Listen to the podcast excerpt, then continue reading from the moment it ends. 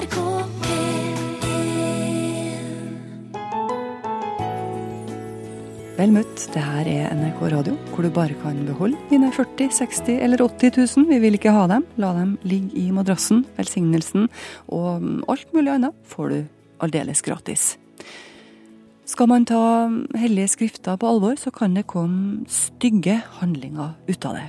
Vi spør, hadde ikke verden vært et bedre sted uten tekster som den her? Jeg vil terrorisere de vantro, halshugg dem og kapp av deres fingre og tær. Zack satt på lesesalen på tredje året da han så ned i matteboka og tenkte Det her er ikke kjekt. liksom, det her er vanskelig. Så da dro jeg på en eh, to og en halv måneders roadtrip gjennom USA og kjørte fine biler og raske motorsykler og Grand Canyon og Sears Tower. og Det var en sinnssyk opplevelse. Og så eh, eh, kom jeg hjem. Jeg følte meg veldig utilfreds og urolig og um, tom. Han fant ikke den varige lykken på dansegulvet i Las Vegas, men han fant den Ja, du får høre hvor her hos oss i dag. Harald Henden han er fotograf i VG. Han tar bilder av folk i krig og elendighet. Det er jobben hans. Han bryr seg om dem, sin. Men eh, gjør han noe forskjell? Er det noe vits? Hei. Du, jeg skal møte Harald Henden jeg, i utenriksavdelinga. VG, ja. Å eh, komme seg inn i VG er mer eh, innvikla nå enn da jeg var her sist, for eh, ja, om lag 20 år sia. Da var det bare å si hei, sånn i forbifarta til eh, vakta i resepsjonen, og ta heisa opp i sjette etasje. Når jeg nå eh, kommer inn i ankomsthallen, i glasshuset til VG, så bærer det rett bort til skranken for å skrive seg inn hos den uniformerte Securitas-vakta. Registrerer på den, er du snill. Her. Her. Takk skal du ha. Tast inn navn. Kjetil Lillesæter på displayet. Og firma NRK Radio. Å gå gjennom skuddsikre glassporter med adgangskort og passord, det er bare småtteri for mannen jeg skal møte i VG. Utenriksfotograf Harald Henden er vant til å diskutere med sikkerhetsvakter på flyplasser over hele verden. Og til å holde rolig stilt når han passerer kontrollposter med fulle soldater i krigssone. Hei, Kjetil. Hei, hei. Velkommen til VG. Takk for det. Hyggelig. Hvor skal vi nå, da? Vi skal opp i eh, sjette etasje. Ja. Eh, VG har eh, de øverste etasjene. Og så flyttet jo også Aftenposten inn i bygget for eh, en, et års tid siden. Harald tar imot meg med et mildt håndtrykk og et godt smil. Han er kledd som en vanlig dag på jobben, enten det er i krig eller fred. Ørkenfarga kakeskjorte, bomullsbukse med lommer på låra og brune boots. Over panna har han et svart sjal som skjuler det halvlange, blonde håret.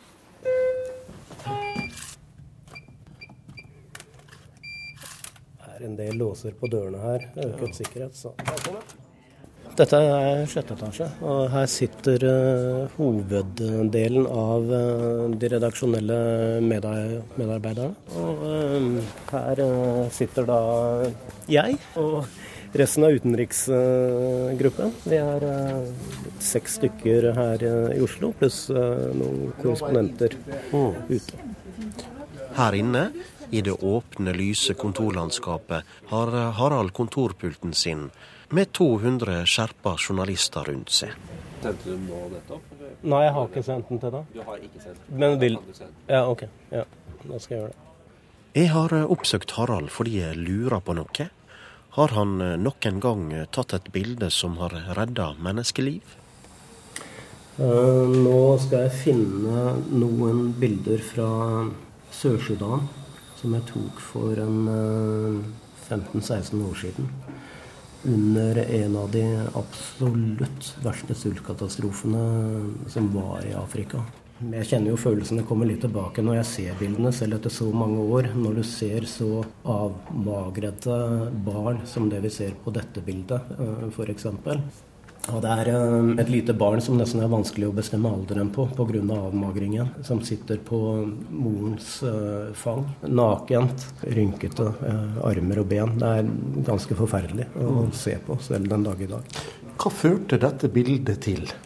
Det førte til, sammen med en del andre bilder, som vi presenterte over seks sider i, i VG den gangen til at eh, både opinionen og hjelpeorganisasjonene hjemme på en annen måte fikk øynene opp for al hvor alvorlig dette var. Mm. Og hjelpeorganisasjonene åpnet konto nummer én. Og det førte til at de, de fikk inn uh, adskillig uh, mer penger enn det de ellers ville ha gjort. Det uh, kjentes viktig og veldig givende. Takknemlig på en måte. Uh, rett og slett fordi jeg har ikke så veldig mange illusjoner om at bildene skal forandre så mye. Så det at det en gang i løpet av en lang karriere faktisk har, har uh, ført til en forskjell for de ofrene jeg har fotografert, det syns jeg er, er, veldig takknemlig å tenke på. Og det hjelper meg for motivasjonen, rett og slett. Hva vet vi om de områdene hvor flyktningene er? Vi vet i hvert fall at der uh, opererer det hjelpeorganisasjoner. Det Harald Henden eh, diskuterer et forslag til en uh, ny reportasjetur med Frode Holst. Han er utenriksansvarlig i VG. Sammen med journalist Brynjar Skjærli så vil Harald reise til Nigeria for å komme tett på den islamistiske terrorgruppa Boko Haram. Å komme i nærheten av Boko Haram på egen hånd, det, det, gjør vi ikke. Nei, det er ikke noe jeg har lyst til heller. Frode Holst, en eh, dreven, rolig utenriksjournalist i 60-åra, har også ansvaret for uh, sikkerheten til Harald Henden når han er ute på oppdrag. Det er Frode som uh, bestemmer om Harald får reise eller ikke. Altså, han, han kan dette helt til fingerspissene. På hva måte da? Nei, Han er veldig flink til å ta seg frem. Godt forberedt. Har stor kjennskap til de områder vi er og opererer i. Bryr han seg om de han fotograferer? Ja, det gjør han. Nei, du kunne se senest et eksempel fra når han var i, i Gaza i sommer. Hvor det var en, eh, to gutter, eh, mindreårige, som ble skadd. Hvor Harald også eh, foretok førstehjelp på disse. Mm og senere hilst på dem. Han kom tilbake til Gaza etter den tid også. Hva tenker ledelsen i VG om det, da? At han hjelper skadde barn. Går, går han ikke da litt ut av den profesjonelle journalistrolla si? Som dere vil at medarbeiderne skal ha? Ja, noen vil jo si det, men uh, når du ser et skadd menneske, og spesielt et skadd barn, så syns jeg det er, det er veldig riktig å gjøre det, å hjelpe. VG bryr seg om mennesket? Nei, medarbeidere bryr seg om mennesker. Hvis jeg ikke hadde brydd meg, og brydd meg om det jeg fotograferer, så hadde jeg nok ikke, ikke, holdt på med denne type jobb i så mange år. Hvorfor det? Det kan være ukomfortabelt. Man eh, lever i en veldig intens eh, situasjon. Når det er konflikter, så skal du også takle sikkerhet. Du skal takle en frykt som, som, av og til er en naturlig del av hverdagen. Ja, din egen frykt? Ja, min egen, egen frykt. Og likevel være i stand til å ta et, ta et uh, effektivt uh, fotografi. Da betyr det mye at, at man, man uh, har gjort en, en forskjell. Og dermed så ligger det en stor grad av idealisme i dette. For Hvis ikke så, så, ville man nok ikke ha orket å holde på med det så lenge. Han har reist verden rundt som fotograf for Verdens Gang i 25 år, Harald Henden. Et av bildene hans fra en sultkatastrofe i Sør-Sudan fikk nordmenn til å brette opp lommeboka si og hjelp. Nettopp dette bildet av et lite barn og flere øyeblikk fra den samme katastrofen kan du se på Facebook-sida vår NRK Livet.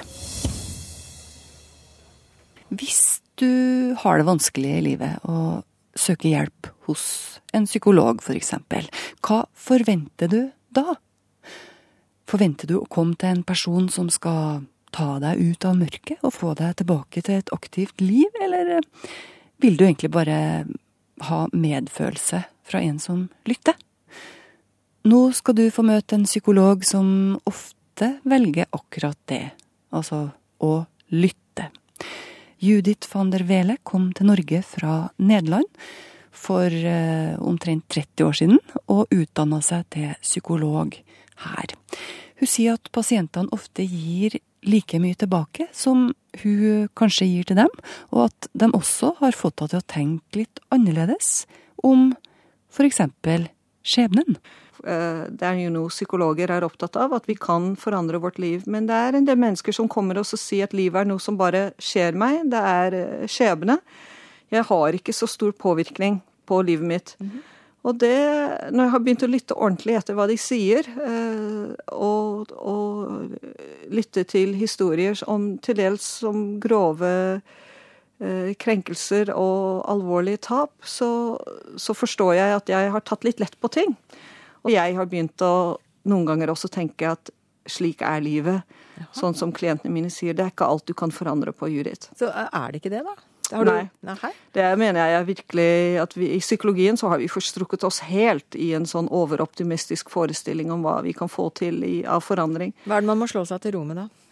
Uh, for eksempel så kan det være store sammenhenger i livet som, som handler om, om, krig, som handler om, uh, om, om handikap, hvor man uh, må leve med de kortene livet ut, del, deler ut. Det er en fantastisk bok som um, heter 'Englebyen', som eh, Erika Fatland har skrevet. Og hun eh, beskriver bl.a.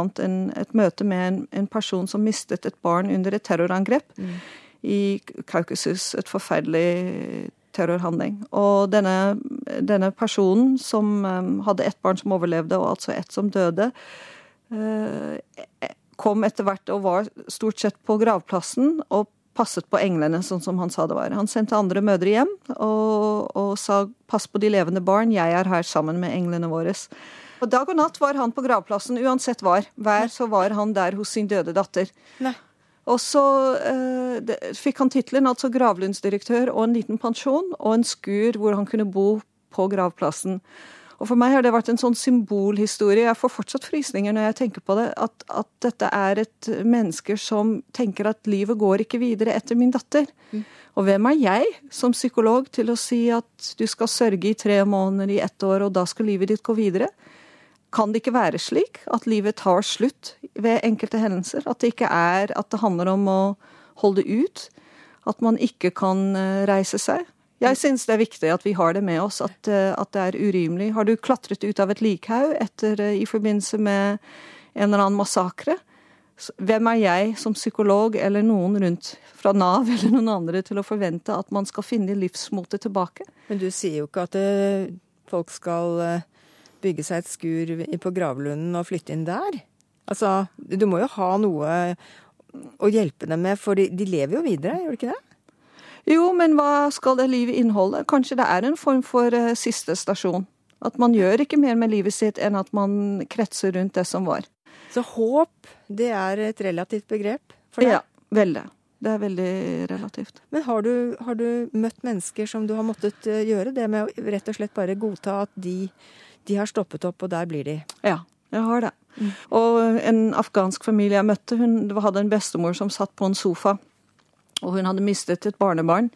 Og livet hadde stoppet helt opp for henne. Og den måten de møtte henne med respekt på, at ikke hun skulle løpe rundt og være positivt og komme seg ut i verden, men at det var en anerkjennelse av hennes sorg og hennes kjærlighet for dette barnebarnet, det gjorde et uslettelig inntrykk på meg. Så jeg tenkte hvor, hvor lettvint eh, vi kan ta det. Eh, det. For det er veldig individuelt, tror jeg, hvor, i hvilken grad vi klarer å stable på beinet kraft og mot til å ta et skritt, et skritt til i livet. Tror du det hjelper mennesker som er i så dyp krise, rett og slett å få være i fred og bli respektert? Ja, det tror jeg. Og også være til stede. Ja. Hvis det er kanskje det eneste og kanskje en av de viktigste tingene vi har å tilby som mennesker for hverandre, at vi, at vi kan være nærværende med den andre der hvor, der hvor de er. Jeg, jeg husker en, en, um, en jente som beskrev en alvorlig incesthistorie, og hun var utrolig alene i sin fortelling om, om hvordan det hadde vært. Og beskrev et, et, veldig eksistensielt mørke. Og jeg husker at jeg, at jeg, hadde så lyst til å finne en måte å, å skru på lyset for henne. Ja. Men jeg satt og så på henne, og jeg kjente at jeg hadde tårer i øynene. Hun så mine tårer eh, i forhold til det hun fortalte, og, og jeg har vært taus med henne. Vi har vært taus lenge, og jeg opplever at det var det eneste svaret som fantes for henne, at jeg orket å være med henne i den eksistensielle mørket av total ensomhet og forlatthet, og ikke sa noe. Og ikke kunne forandre noe. Men det at du satt der som et empatisk menneske, da forlater mm. du på en måte litt fagpersonen uh, Judith, gjør du ikke det? Og, og blir medmenneske isteden? Jeg håper at de to tingene henger sammen, da. Men det er, det er sant at i, en, når man, i hvert fall når man er, er, nyutdannet, så vil man veldig lett komme i et sånt handlingsmodus og et gjøremodus. Og hvor skal vi herfra? Istedenfor å kunne bøye seg kanskje sammen med den andre i taushet og stole på at relasjonen kan bære oss gjennom det mørket som er akkurat der og da. Ja, det er akkurat det jeg lurer på da. Du sier bære oss gjennom mørket. Det å sitte der og lytte og få tårer i øynene selv mm. av empati. Har du opplevd at det faktisk i seg selv har vært en hjelp? At, at, du på den måten bærer mennesker igjennom? Ja. Du kan si for de som har den formen for eksistensiell krise i livet, at de ikke får lettvinte svar, og tror jeg oppleves nesten som helende. At noen er der og er tause, da. Ja. Og anerkjenne at kanskje det ikke er et skritt til du kan gå, kanskje det er her veien din stopper. At du trenger å, å puste og, og få verdighet rundt det som er igjen av livet ditt på akkurat det stedet du er nå. At ikke noen skal kreve mer av deg og få ta deg enda mer sammen. At det er uh, et godt sted å være. Jeg liker egentlig ikke å tenke at det da skal være et sted hvor man får til endring, for da er vi tilbake i dette at mennesker skal et annet sted. Ja. Mm. Jeg vet ikke hvorfor jeg tenker på det akkurat nå. Min far han er en veldig klok mann som jeg har lært mye av. Men han har ofte sagt at man skal ikke Man kan ikke skru av mørket, men man skal skru på lyset.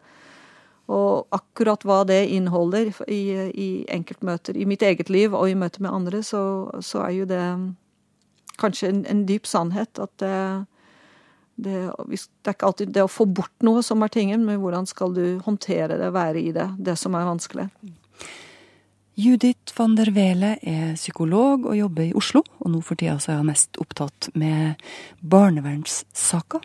Du hørte her i samtale med reporter Miriam Wiklund.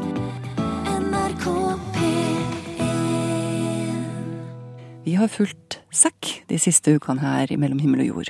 Han er bahai og er inne i fastetida, og går i grunnen rundt med tom mage store deler av dagen, så også i dag.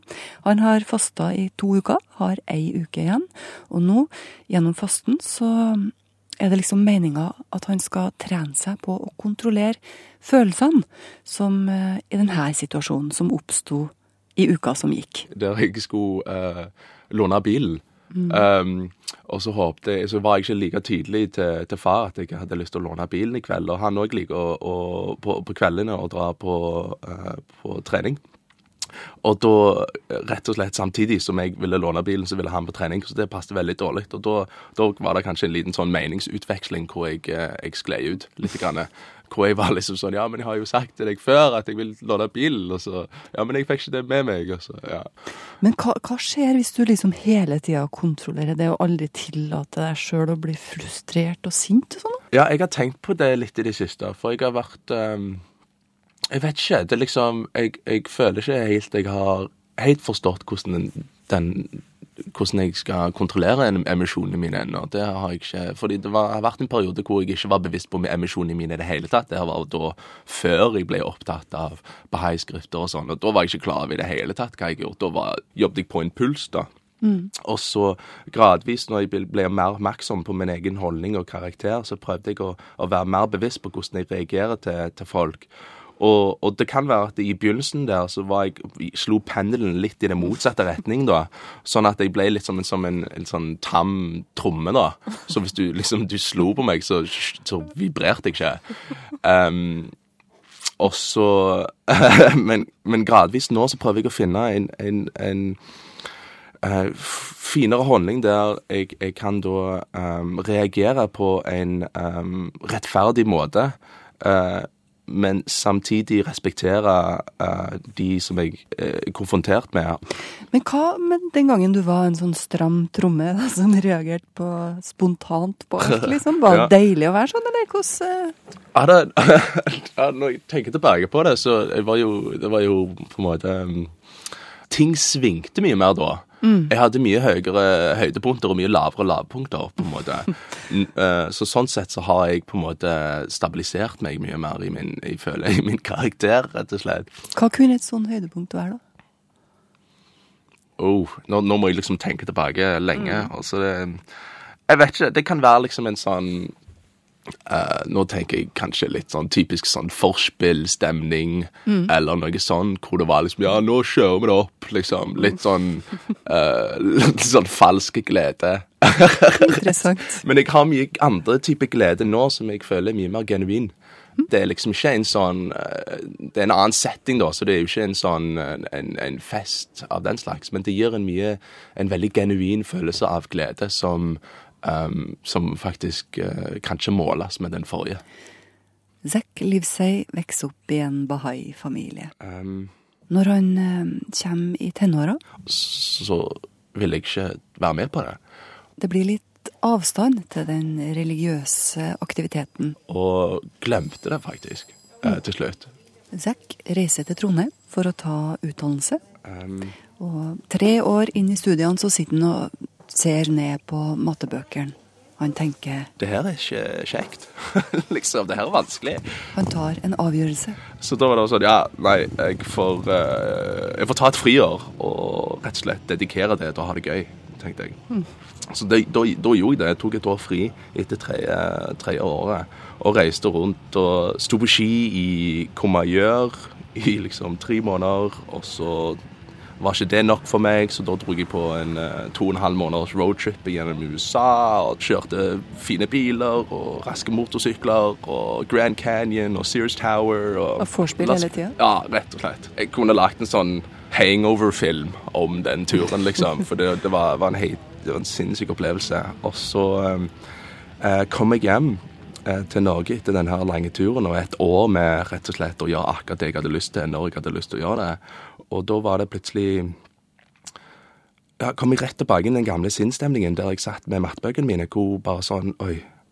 Jeg følte meg veldig utilfreds og urolig og um, tom. Og hjemme hos mor og far er det uro rundt valgene som sønnen har tatt. Far legger malerkosten i hendene på Zack. Vær så god, bidra nå litt her iallfall, med å male huset. Zack henger i veggen og maler. Og så kom mor ut mens jeg sto der og spurte Zack du har ikke lyst til å dra på, på heisommerskolen på Beitostølen. Og så um, tenkte jeg faktisk det var det siste plassen jeg ville dra. Uh, for jeg tenkte jo, jeg har jo vært på dansegulv i Las Vegas. Ikke søren om jeg finner lykke på Beitostøl. Ja. Så jeg tenkte sånn Ja, ja. Jeg, uh, jeg, jeg tror jeg står over. Men like før avgang så slenger han seg inn i bilen og blir med. Og Idet jeg, liksom, i det jeg kommer inn i parkeringsplassen til, til Beitostøl, så var det som om det var, det var den det var den parkeringsplassen jeg lette etter på hele roadtripen. For liksom, i løpet av de månedene i forveien der, så hadde jeg jo um, dratt til utallige parkeringsplasser, Six Flags og Universal Studios og liksom alle de her fantastiske plassene i USA, og åpna døra og så liksom spurt ja, hva venter meg her, liksom. Så, etter alle de her parkeringsplassene han har vært innom, wow. så var det altså en her som var den riktige. Plutselig trør jeg ut av bilen, og jeg vil ikke innrømme det her til meg sjøl, selv, selvfølgelig, for jeg syns det her var ja, ja, det her Nei, det her er ikke noe Ikke tenk på den følelsen, det er ikke viktig. Og så, og så gradvis så ble det en, en, en Rett og slett jeg, Det traff meg som lyn, rett og slett. Og jeg eh, eh, har forandra Jeg føler jeg har forandra eh, veien i livet drastisk mm. siden. Hva er liksom Hvis du skulle Du sier at du vokste opp i et bahai-hjem. Um, tror du det ligner på å vokse opp i et uh, kristent hjem eller et muslimsk hjem? Ja, det tror jeg helt klart. Mm. Um, at det er det er på en måte det helt, det i grunnen helt likt. Hele poenget er jo å rense våre hjerter og, og komme nærmere vår skaper. Hva er forskjellen? Um, Hvorfor bahai og ikke islam, f.eks.? Ja, riktig. Nei uh, um, Jeg tror um, akkurat uh, dette budskapet Latent i det potensialet for å, for å dra alle mennesker sammen, for alle folkeslag. Ja, for bahai anerkjenner alle religioner. Ja, sånn? Ja. ja. Og at alle religioner er én og kommer fra én og samme kilde. Mm. Så, og de, de prinsippene der som ligger i, i grunnen der, resonnerer veldig med hjertet mitt. Og, og dermed så føler jeg at dette her er et, eh, et budskap som jeg har lyst til å, å, å prøve å leve lev, livet mitt etter. Jeg må jo spørre til slutt, da. Hva er Gud for deg? Wow.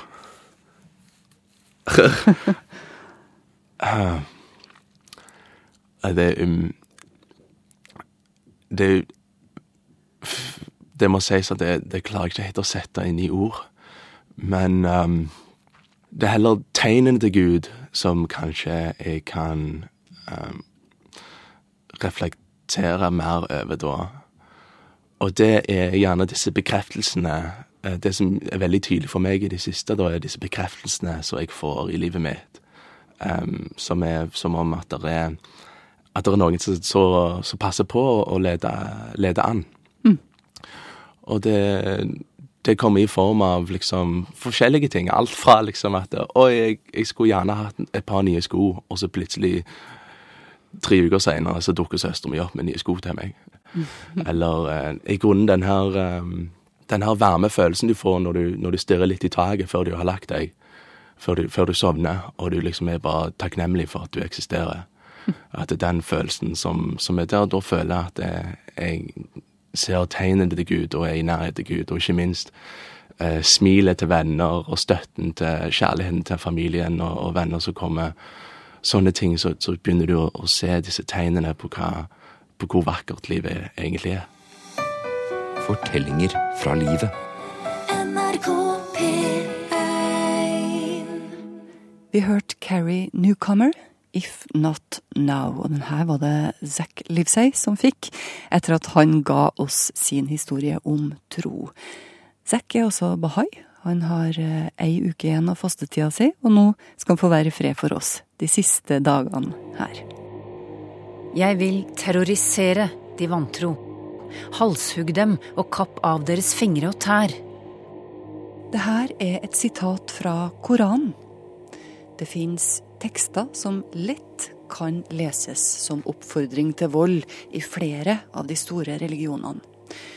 Og de her tekstene de får jo gjerne ekstra styrke når det heter seg at de kommer fra Gud. Så hadde verden vært et bedre sted hvis ingen skrifter ble holdt for å være hellig. Ingvild Særlig Gilhus hun har forska på sånne skrifter, og hun har med noen sitater til oss. Eh, Denne teksten her, så kan du jo kanskje gjette på hvor kommer fra. Nå skal jeg lese opp. Så se din plikt, vik ikke tilbake, ikke noe annet er bedre for en kriger enn å kjempe. Lykkelig er en kriger som havner tilfeldig i slik kamp, den er en åpen dør til himmelen. Men kjemper du ikke, vraker du plikt og ære, pådrar deg synd. Ja, jeg har jo mistanke om at det her er et lurespørsmål, da. Ja, det er et lurespørsmål. Jeg hadde jo villet gjette kristendom eller eh, Bibelen eller eh, Koranen. Ja, men det er ikke det. Nei. Det er en annen stor religion. Ok, er det hinduismen? Ja, helt riktig. Veldig bra. Tredje forsøk. Kjempeflott. Det er tredje forsøk. Men den er altså fra Bhagavad Gita, som er eh, en av hinduismens helligste tekster. Og det er i en veldig sånn spent situasjon, for her er det en kjempekrig. Og Arjuna, som er helten i Bhagavad Gita, han kjører frem foran hærene. Dette ble skrevet for 2000 år siden. Og så ser han at han har slektninger på begge sider, og så sier han at 'jeg vil ikke kjempe'. Jeg vil ikke kjempe, jeg vil ikke drepe slektninger. Men vognstyreren hans, det er Krishna, som er Gud selv. Og Gud sier at han må kjempe, for det er krigerens plikt å kjempe og drive krig. Så tekster som kan leses som oppfordring til vold, de finner vi også altså, i hinduenes hellige skrift, Bhagavad Gita. Hvor ellers? Slike finner man eh, overalt, og hvis du er interessert, så kan vi jo ta et par eh, sitater fra Det gamle testamentet også. Ja, kjør på. Ja. Ved Babylons elver, der satt vi og gråt når vi kom Sion i hu. På vidjene, der hengte vi våre harper. Det her kjenner vi fra populærkulturen også. Mindre kjent er vel fortsettelsen på Salmenes bok vers 137. Sånn slutter det. Lykksalig er den som griper og knuser dine spede barn imot klippen. Og det er mer å ta av, si Ingvild. Småbarna skal knuses for øynene på dem, husene deres plyndret og kvinnene voldtas. Det har vi fra Jesaja. Tilbake til hinduenes hellige tekst, Bhagavad Gita, og denne krigshistorien som Ingvild siterte fra. Vi tar en liten repetisjon. Så, se din plikt, vik ikke tilbake. Ikke noe er bedre for en kriger enn å kjempe. Lykkelig er en kriger som havner tilfeldig i en slik kamp. Den er en åpen dør til himmelen. Men det som er veldig pussig, er at uh, dette diktet er jo blitt kjent som, et, uh, som det som Gandhi var mest glad i. Og Gandhi var jo en ikke-voldsperson. Så etter hvert så blir denne teksten ikke lenger uh, tolket på den måten. Den blir tolket mer som at mennesket skal kjempe mot onde krefter i seg selv, og at man skal kjempe for å komme på et høyere nivå. Så, ja. så her er vi liksom inne på kjernen, for det er tolkning det er snakk om. Ja. Det er ja. tolkningen. Altså tekster kan nesten tolkes til å bety hva som helst. Ingvild drar ei linje fra den tida de hellige tekstene var utilgjengelig for folk flest. Det var slett ikke alle som kunne lese, langt ifra. Bibelen fantes dessuten bare på latin. Du måtte via en prest for å få tak i innholdet. Men så, på 1500-tallet, kom den på dansk, og så kom Bibelen på norsk. Den kom også inn i de norske hjem, og nå til dags så er den jo søkbar på de fleste språk. Bare en tast unna. Darum wird euch der Herr von sich aus ein Zeichen geben. Han kysser meg med kyss av sin munn, for din kjærlighet er bedre enn vin. This is the Bible. It's more than something you read, although you can do that too. Bare en tast unna, gjerne med dramatiseringer eller musikk. Eller som en Twitter-melding. Det her, sier hun, gjør oss mer kritisk. Det at vi kan studere og leke oss med tekster fra alle hellige skrifter. Det sprer på en måte makta litt utover? Ja, man har jo, ja da, man, man gjør jo det. Altså, du, du, det gir en større, større, makt til brukerne. Mm. Altså, I gamle dager da man hadde Bibelen på latin, og folk egentlig ikke forsto, altså folk flest forsto ikke hva som sto der, og man kunne ikke lese. Så i det øyeblikket tekstene oversettes, og alle kan lese dem, i hvert fall de som kan lese, så får jo folk mer makt. Men også når du kan eh, være mer aktiv i forhold til dem i, i forhold til moderne media, så får du også en ny situasjon. Tror du at uh, tekstene kommer til å i større grad leve sitt eget liv på nettet? Ja, det tror jeg. Mm. Det tror jeg. Men samtidig så vil du også ha Du har jo også autoritet bak kanoniske tekster, altså sånn som Bibelen, så vil det da være autoriteter bak som har da synspunkt på hvordan de skal oversettes, og hvordan de skal tolkes. Blir den svekka da, tror du? Den blir nok svekket på den måten at uh, mens tidligere folk var nødt til å forholde seg til, uh, til én tolkningsmakt, så har man i dag veldig mange muligheter. Man kan være veldig mye mer, mer ja, aktive i forhold til teksten. Dette her begynte jo litt med, dette intervjuet har jo gått litt på om tekster som oppfordrer til vold. Og det syns vi ikke noe om i dag. Vi gjør jo ikke det. Mm. Men altså, grunnen til at jeg ville snakke med Ingvild Sæli Gilhus, det var at jeg lurte på hvordan verden ville være om den hadde vært bedre uten tekster som den her. Den av dere som blir venn med en vantro, er selv en av dem. Hva hvis vi sier at Gud ikke kan skrive tekster? Det er menneskene som skriver. Det fins ingen hellige tekster. Hva skulle da IS-terroristene f.eks. støtte seg på, hvis de ikke kunne få bekrefta sine handlinger i Koranen? Jeg er ikke sikker på om det hadde hatt så store konsekvenser. Det virker som litt grunnleggende for mennesker er jo det at man, eh, man er for flokken sin og gruppen sin, og man har veldig lett for, å, for å, å, skape de andre som noe helt annet, noe som man er mot, noe som er annerledes enn deg, og noe som du da vil bekjempe. Og slike holdninger finner man jo også i religiøse tekster. Og de tekstene kan da brukes til å støtte et slikt syn. Mm. Men det er ikke tekstene som skaper synet, for å si det sånn.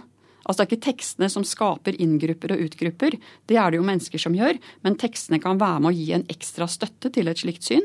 Nemlig. Så da tenker du at de har funnet en annen måte å, å rettferdiggjøre sine handlinger på, da? Det vil jeg tro. Mm. Har du en beskjed til oss, så kan du sende oss en e-post, f.eks. Himmel og jord i ett ord krøllalfa nrk.no. Eller du kan skrive denne beskjeden på papir. Mellom himmel og jord, NRK 7005 Trondheim. Det er også mulig å få kontakt med oss gjennom Facebook-sida vår. Den heter NRK Livet.